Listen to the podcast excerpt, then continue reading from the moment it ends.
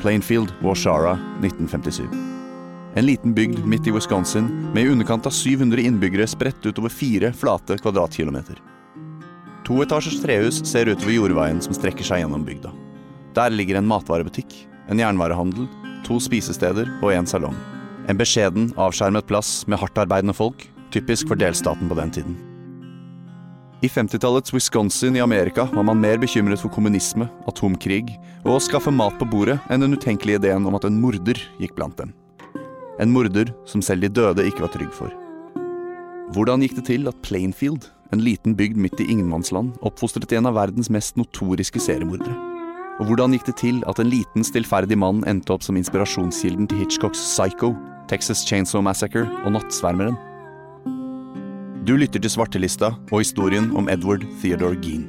Mitt navn er Andreas Weier Osvold.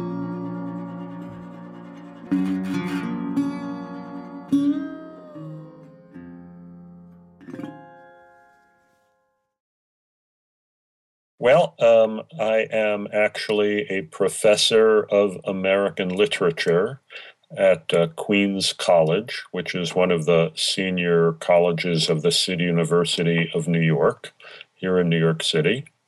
Um, and uh, I, well, wrote a, book about the Geen case. I like to think it's the definitive biography. Du hører stemmen til professor Harold Schechter via Skype fra New York. Han har skrevet boken Deviant, The Shocking True Story of Ed Gein, The Original Psycho. Schechter har også skrevet flere titalls biografiske bøker om andre notoriske kriminalsaker. Boka hans om Ed Gein var hans første. Han er en av de som vet aller mest om Gean-saken og fortsatt lever i dag. Whatever the diametrical opposite of cosmopolitanism is, you know, you'd find it in a place like um, uh, uh, Plainfield, Wisconsin. You know, you basically have a bunch of people who, uh, you know, have very, very, in many ways, very, very little exposure to or interest in, in, you know, what most of us would consider to be, you know, the modern contemporary world. Um, so, you know, there's a lot of, again, prejudice against outsiders prejudice against strangers, religious prejudice. Um, det er midt i november og starten av jaktsesongen i området. Mennene er i skogen, søkende etter rådyr, helt nødvendige for å brødfø familiene i den lille bygda. Politibetjent Frank Warden er en av disse. Han kommer tomhendt tilbake til byen etter dagens jakt den 16. november, og blir gjort oppmerksom på at familiens jernvarehandel, drevet av moren Bernice, har vært stengt hele dagen. Dette skurrer for Frank. De pleier å holde åpent på lørdager. Frank og to kolleger tar turen til butikken for å se til moren. Når han kommer til handelen og låser seg inn, er hun ikke å finne. Han ser at kassaapparatet er borte. Butikkens 22-kalibers hagle har blitt tuklet med. På det kalde steingulvet blod. Han får øye på en liten papirlapp. Det er en kvittering for en fireliters bøtte med frostvæske. Frank minnes en kunde som har vært mye innom de siste dagene og spurt etter nettopp frostvæske. Han har gjort noe med henne, sier Frank. Hvem? spør den ene kollegaen. Frank Warden svarer raskt, uten å nøle. Eddie Gean. Warden kontakter sheriffen, og det blir iverksatt en forsvinningssak. Edward Theodore Gean holder til for seg selv i utkanten av Plainfield. Sheriffen og en annen betjent kjører ut i gårdshuset hans i skumringen for å forhøre seg med einstøingen. De blir møtt av låste dører og mørke vinduer. Det er ingen tegn til liv i Gean-huset. Ved siden av gården ligger et gammelt uthus. Døra er åpen. Sheriffen og betjenten tar seg inn i det lille, bekmørke skuret.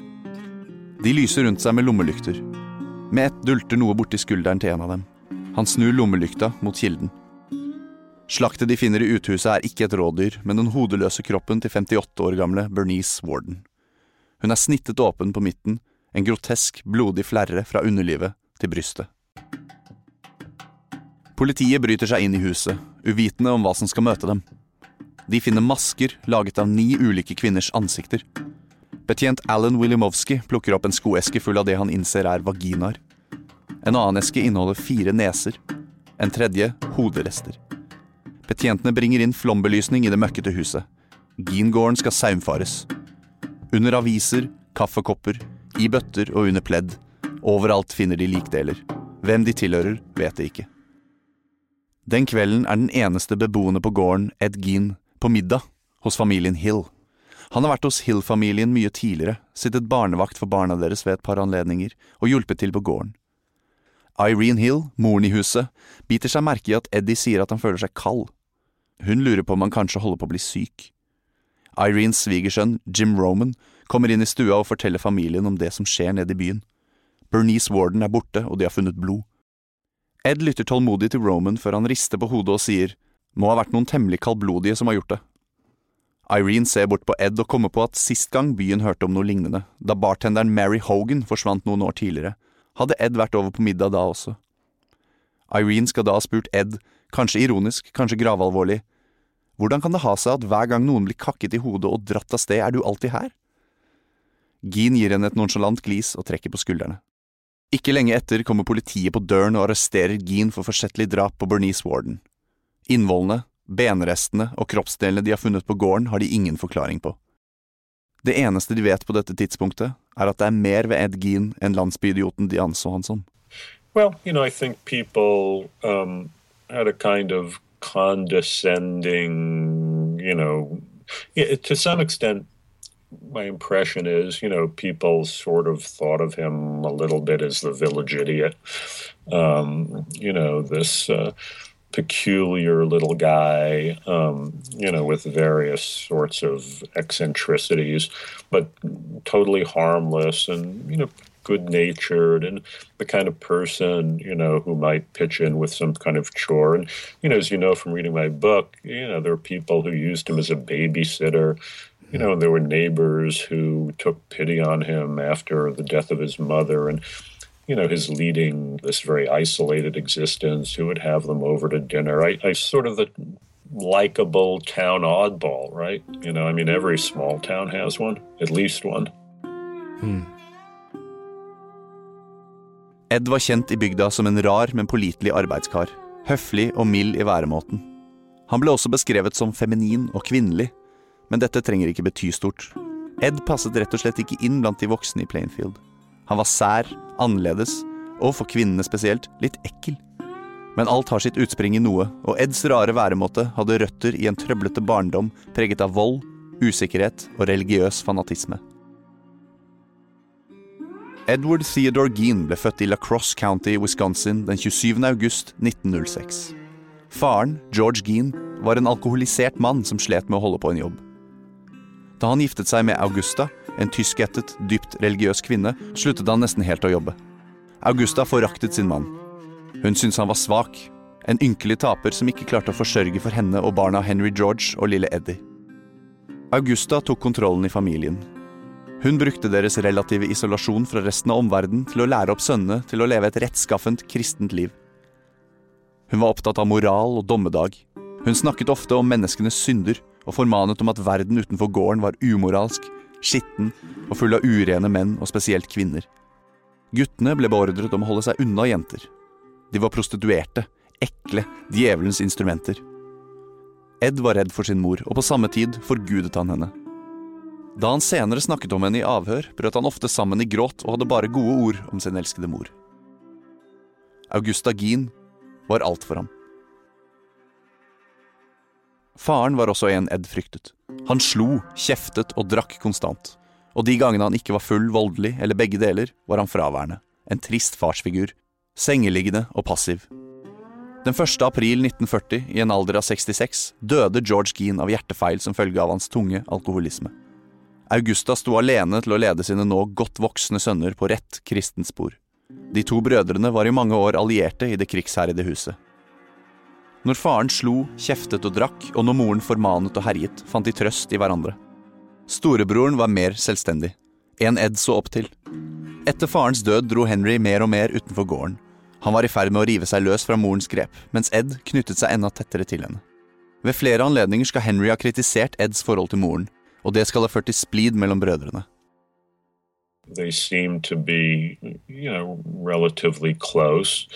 Um, you know, the big question obviously has to do with his brother's, you know, sudden death under somewhat mysterious circumstances. Den 16. mai 1944 brøt det ut en brann i et myrområde nær Gin-tomta. Henry var da 43, og Ed var 37 år gammel. Noen kilder vil ha det til at brannen oppsto ved et uhell hvor Henry og Ed var til stede, og derfra er detaljene ganske skurrete. Ed selv mente at broren startet brannen for å brenne bort tørt gress, at brannen gikk over styr idet vinden ble sterkere, og at han og Henry jobbet med å kontrollere den og mistet synet av hverandre. Da det ble mørkt og Ed endelig hadde brannen under kontroll, var Henry borte. Ed løp tilbake til bygda og samlet sammen et hjelpekorps for å finne broren. Det underlige var hvordan han ikke hadde noen problemer med å lede hjelpekorpset rett til Henry da de ankom myra igjen. Der lå han, med ansiktet ned i myra, død, uten tegn til skader fra flammene, men med flere slagsår i hodet. You know, afterwards, when Gein's crimes were discovered, there was all this talk that Ed had deliberately murdered his brother because the brother was, you know, bad mouthing the mother hmm. and kind of urging Ed to try to get out from under her under her sway. But you know that's all very very very speculative. You know it's not like there's a lot of documentation about their early lives.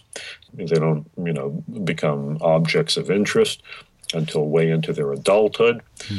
And then you know there you know there's just nothing well very very little information you can really glean except for example you know what Gein might have said in various psychiatric interviews and you know and and then what various neighbors who were later interviewed might say about it but you know those things are so colored at that time um, by the discoveries of the crime that, that it's just hard to know you know what is actually the case you know, a character like Gein, you know, very, very quickly uh, becomes mythologized.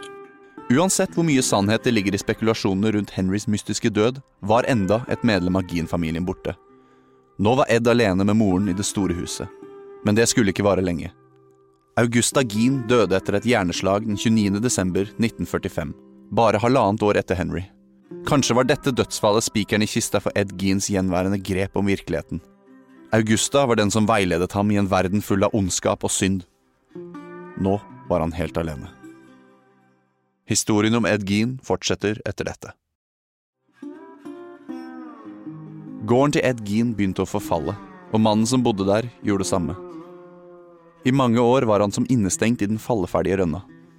Utenfra ble Ed Gein oppfattet som den samme snåle, stillferdige mannen han alltid hadde vært, og ingen merket noe til innvirkningene Augustas død hadde på ham. Men Ed hadde begynt et nytt liv. Et hemmelig liv. Om natten. På kirkegårdene. Ed hadde lenge vært fascinert av mørke historier om kannibaler og mordere. Han leste ofte fortellinger om slike ting i magasiner og bøker. Han var opptatt av dødsannonser, klippet dem ut av aviser og hang dem opp på veggene i huset. Men hans fascinasjon for de døde gikk mye, mye lenger. Han oppsøkte kirkegårder i nærområdet, noen ganger utenfor Plainfield, alltid om natten, når han kunne gå uoppdaget. Så begynte han å grave dem opp. Ved hjelp av dødsannonsene han fulgte nøye med på, fant han det han var ute etter. Det var alltid kvinner, stort sett litt eldre eller middelaldrende, gjerne kraftige. Ed ville gjenskape Augusta. You know, if, if just given you know Gein's psychology, uh, you know the fact that he was trying to dig up the body of his mother uh, and bring her back to live with him, and was you know since he couldn't actually gain access to, to that corpse because it was buried in in, in a concrete vault. Um, uh, digging up the bodies, exhuming the bodies of women who somehow reminded him of his mother, or in the case of Mary Hogan um, and Bernice Warden, you know, executing these women and bringing their corpses back and trying, as I said, to reconstitute his mother. You know, uh, there was clearly a, I mean, to state the obvious, you know, a very, very warped psychosexual relationship going on there. So, but again, there's only so much, you know, we could know. Um, as you say, uh, a lot of Gein's uh, extremities, his uh, his weird uh, his weird actions seem to center around his mother and his relationship with his mother. Uh, do you think? Uh, do you think that his upbringing under this under this woman was the root to to what turned him into the person he became? Yes, I mean, I don't see what other explanation there could be. I, I think he was obviously um, ventilating, you know, this homicidal hatred of his mother. Um, and and so you know that was a large part you know i think in in Gein's psychology though it's so baroque and twisted it's very very hard to to diagnose with a lot of clarity but there you know, there certainly seems to have been some very very very grotesque mixture of love and hatred toward the mother Tingene han gjorde med likene, er det som ofte trekkes frem som et av de mer unike aspektene ved Ed Geans modus operandi. Han kuttet opp kadavrene for å lage hverdagsobjekter av dem. Belter av brystvorter, lampeskjermer og søppelbøtter av hud, masker, skåler, korsetter. Alt dette skulle politiet finne den kvelden han ble arrestert for drapet på Bernice Warden i 1957. Når det kommer til det seksuelle aspektet, er det ingen som har kunnet bekrefte at Ed Gein hadde sex med likene han stjal. Selv sa han at de luktet for vondt. Men hvordan kunne en person som Gein, i et tett bygdesamfunn med under 700 innbyggere, gå usett så lenge?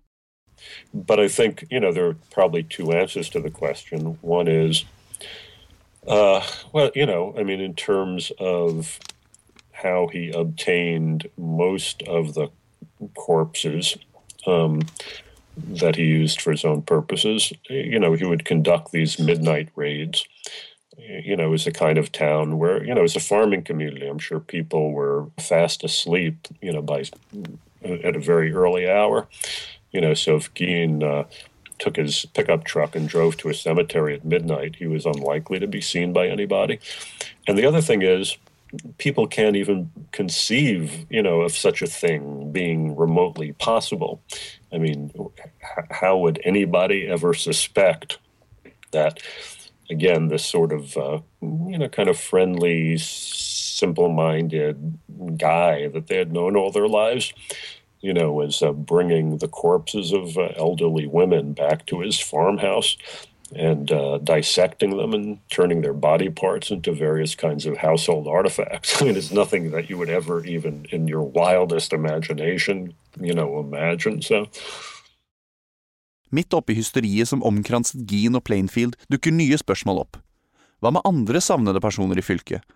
Det er flere mennesker som har sporløst forsvunnet i nærområdet, og nå setter pressen og innbyggerne av Plainfield brikkene sammen. Åtte år gamle Georgia Weckler forsvant da hun var på vei hjem i 1947.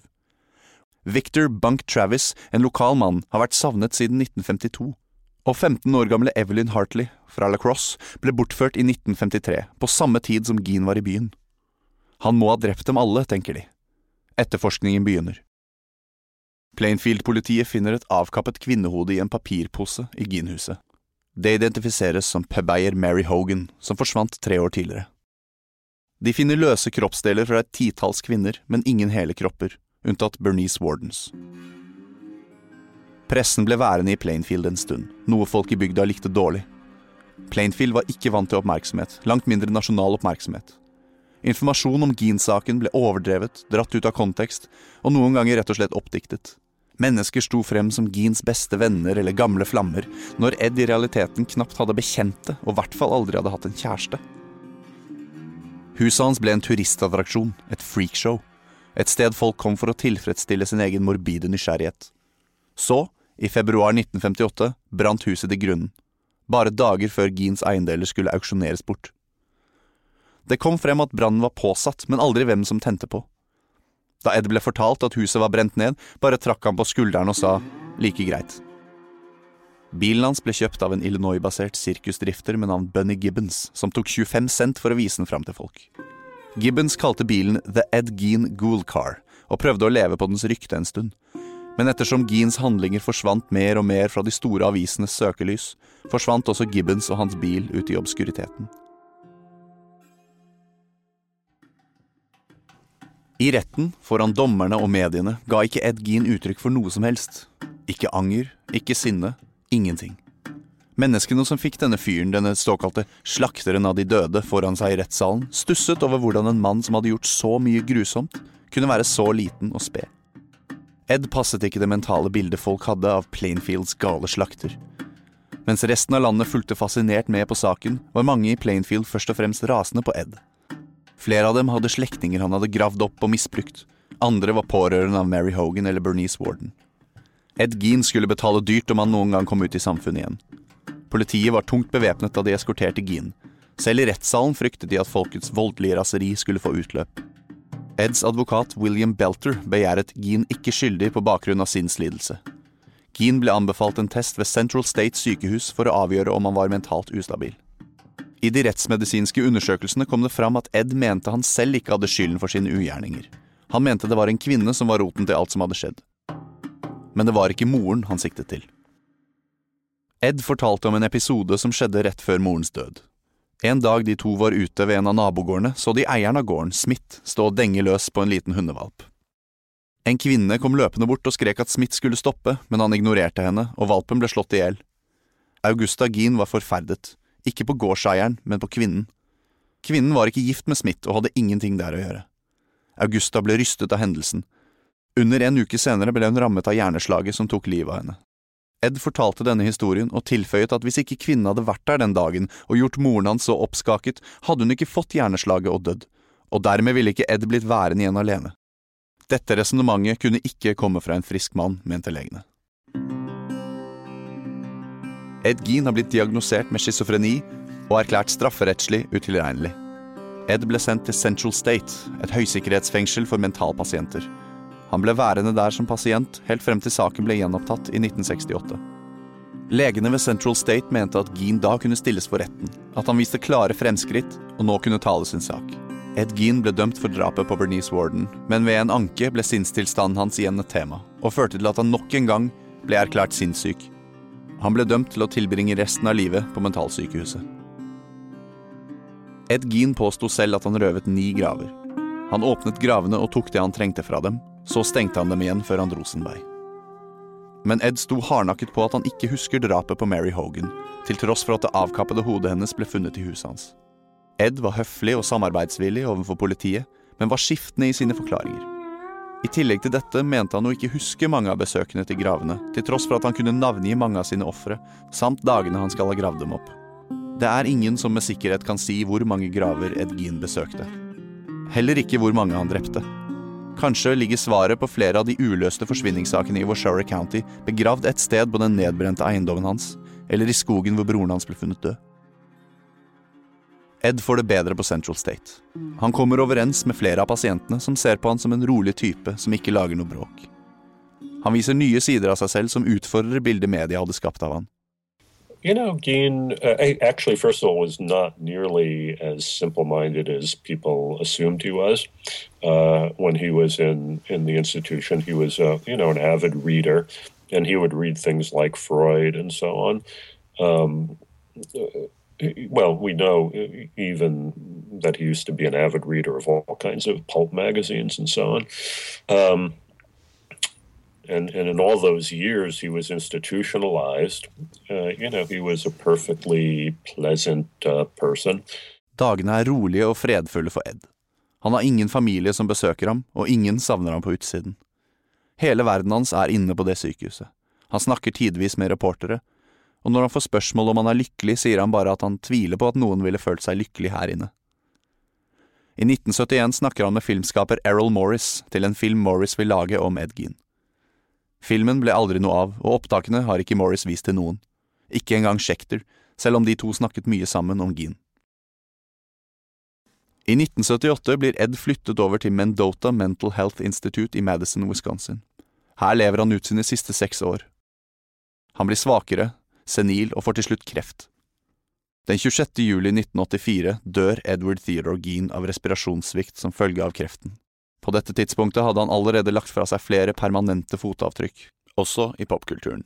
Som for eksempel i American Psycho, hvor Patrick Bateman refererer til Gean. The only girls with good personalities who are smart, or maybe funny, or halfway intelligent, or talented, though God knows what the fuck that means, are ugly chicks. Absolutely. And this is because they have to make up for how fucking unattractive they are. Do you know what Ed Gein said about women? Ed Gein, maitre d' canal bar? No. Serial killer, Wisconsin in the 50s. What did Ed say? He said, When I see a pretty girl walking down the street, I think two things.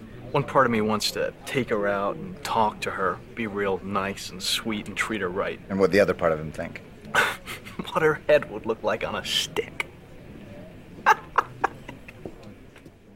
De udødelige karakterene Leatherface fra Texas Chainsaw Massacre, Buffalo Bill fra Nattsvermeren og Norman Bates fra Psycho er alle basert på Geen, og er bare noen av utallige eksempler som har oppstått fra da saken ble kjent i 1957 og fortsatt fremkommer i dag. Hundrevis av bøker, filmer og mer er basert på og refererer til Gin, direkte og indirekte. Gins fanatiske forhold til moren og de groteske ugjerningene han utførte på ofrene sine, er ting som ofte går igjen. Well, you know, one thing uh, that you might mention that is interesting again is is how the Gein story uh, has been retold and retold. Um, you know, the differences between Psycho, Texas Chainsaw Massacre, Silence of the Lambs. You know how each of those plucks certain elements from the Geen case, uh, but you know ends up telling a story that somehow reflects the particular issues and obsessions of the cultural moment. So Psycho, you know, is really about the kind of sexual duplicity uh, of the 1950s, really. I mean, the movie came out in 61 or something like that, but that was still, you know, for all intents and purposes, the 1950s, right? Um, you know, and it has to do with sexual attitudes of the 50s where everything is supposed to be very, very pure, but there's all this really dark, sleazy stuff going on beneath the surface. Um, you know, uh, Texas Chainsaw Massacre really has a lot to do with anxieties about the, you know, the Vietnam War uh, among young people. You know, it's sort of this nightmarish vision of America turning into a, a butcher of its own young people. And uh, I think Silence of the Lambs actually, you know, has a lot to do with um, the kind of obsessions uh, having to do with, um, uh, like, well, actually plastic cosmetic surgery and things. You know, it's very significant to me that the uh, you know in, in in Ed Gein's case, he was making a skin suit because he wanted to be his his mother. In Sons of the Lambs, Buffalo Bill is making a skin suit because he wants to be a beautiful woman. Um, you know, and I, I think it has a lot to do with body anxieties. You know, of that were very very prevalent at the time, and even more so now. Y- You know, the way in which women have to undergo the knife uh, in order to achieve some kind of ideal of beauty. Um, you know, in the book Silence of the Lambs, the last thing that uh, Buffalo Bill says uh, as he's expiring on the floor after Clarice Starling has shot him, he turns to Clarice and says, How does it feel to be so beautiful? Um, so I guess my point is, you know, the Geen story has been mythologized in, in these different ways that reflect the obsessions uh, of the particular era. And who knows? I mean, you know, maybe in the future there'll be even more versions of the Geen story. Men var egentlig Ed Gein den han ofte blir fremstilt som? Den ondsinnede, nærmest demoniske seriemorderen som har inspirert noen av Hollywoods verste monstre? Is often spoken about, and I speak about him myself, you know, as a serial killer, but he, he doesn't really fit the profile of many other notorious uh, psychopaths um, that we know as serial killers, Ted Bundy or John Wayne Gacy or Jeffrey Dahmer. These people uh, are, are really sadistic lust murderers uh, who take uh, this very, very sick sexual pleasure from uh, torturing and, and murdering their victims. You know, that wasn't Ed Gein's profile. Um, Gein did murder a couple of women, but the two women that he killed, you know, he executed very, very swiftly. You know, he wasn't really interested in torturing them and, uh, you know, achieving this orgasmic pleasure from seeing, you know, inflicting this suffering on them. Gein was, he was a necrophile. Um, obviously, uh, you know, very, very twisted, uh, you know, love of the dead. Um, and you know his crimes are clearly grotesque and shocking, uh, but the majority of the mutilations and so on, you know, that he inflicted on the victims, he inflicted on dead bodies. So, I I guess what I'm saying partly is there isn't really, you know, there is something about Geen that is, mm, trying to think of the right word, sympathetic, let's say you know, where you can't feel any kind of sympathy uh, for monsters like John Wayne Gacy, it is possible to feel a certain degree of sympathy for Ed Gein. Det gis stadig ut nye filmer basert på Geens liv. Han refereres til hyppig, og på tross av at han bare kan kobles til to drap, er han fortsatt kjent som en av de mest notoriske seriemorderne i amerikansk historie. Hvorfor er vi så besatt av Geen? Hvorfor klarer vi ikke å legge historien om den lille gravrøveren fra Plainfield død? I, I think the larger question you're asking is um, why why we're having this podcast and, and why you have listeners of this podcast. Um, you know, why stories like the Geen story appeal so broadly to people. You know, again, why we need stories of monsters. And uh, yeah, in a general way, I, I subscribe uh, to Carl Jung's notion, you know, that uh, each of us has a shadow. Um, and uh, one of the, you know, one of the satisfactions or, needs that um, stories of monsters supply, you know, is to allow us to vicariously experience, um, you know, these very, very, very dark, um, primitive, ace, antisocial, lawless, taboo impulses. Um, that's very different from saying that we all have the potential to you know, actually be an Ed Gein or be a serial killer or whatever. Mm. There's a difference between, you know, a major difference, a huge difference between, you know, doing something and, and dreaming about something. Um, but yeah, I mean, clearly on some level, we revel in these stories of horror and violence and murder and sadism um, because you know they, they they afford some sort of safe, socially acceptable outlet, you know, for these very very atavistic impulses uh, uh, that that are, are, still buried, you know, in our civilized undermind. So. Takk for at du hørte på denne episoden av Svartelista om slakteren fra Plainfield. Du finner den fulle oversikten over alle de grusomme funnene som ble gjort i Ed Geens hus på Facebook-siden vår. Vi er tilbake om en uke. Da forteller vi historien om verdens verste kvinnelige seriemorder, som vokste opp i Nord-Trøndelag. Svartelista er laget av Kasper Brein Selvig og Andreas Weier Osvold. Lyd ved Joakim Sandvik. Originalmusikk av Geir Sundstøl. Takk til professor Harold Schechter, Siri Kristiansen og Eskil Paus ved både og. Vi vil også få takke Anja Waskin ved Psykologisk institutt i Oslo. Podkasten Svartelista er laget i samarbeid med både og.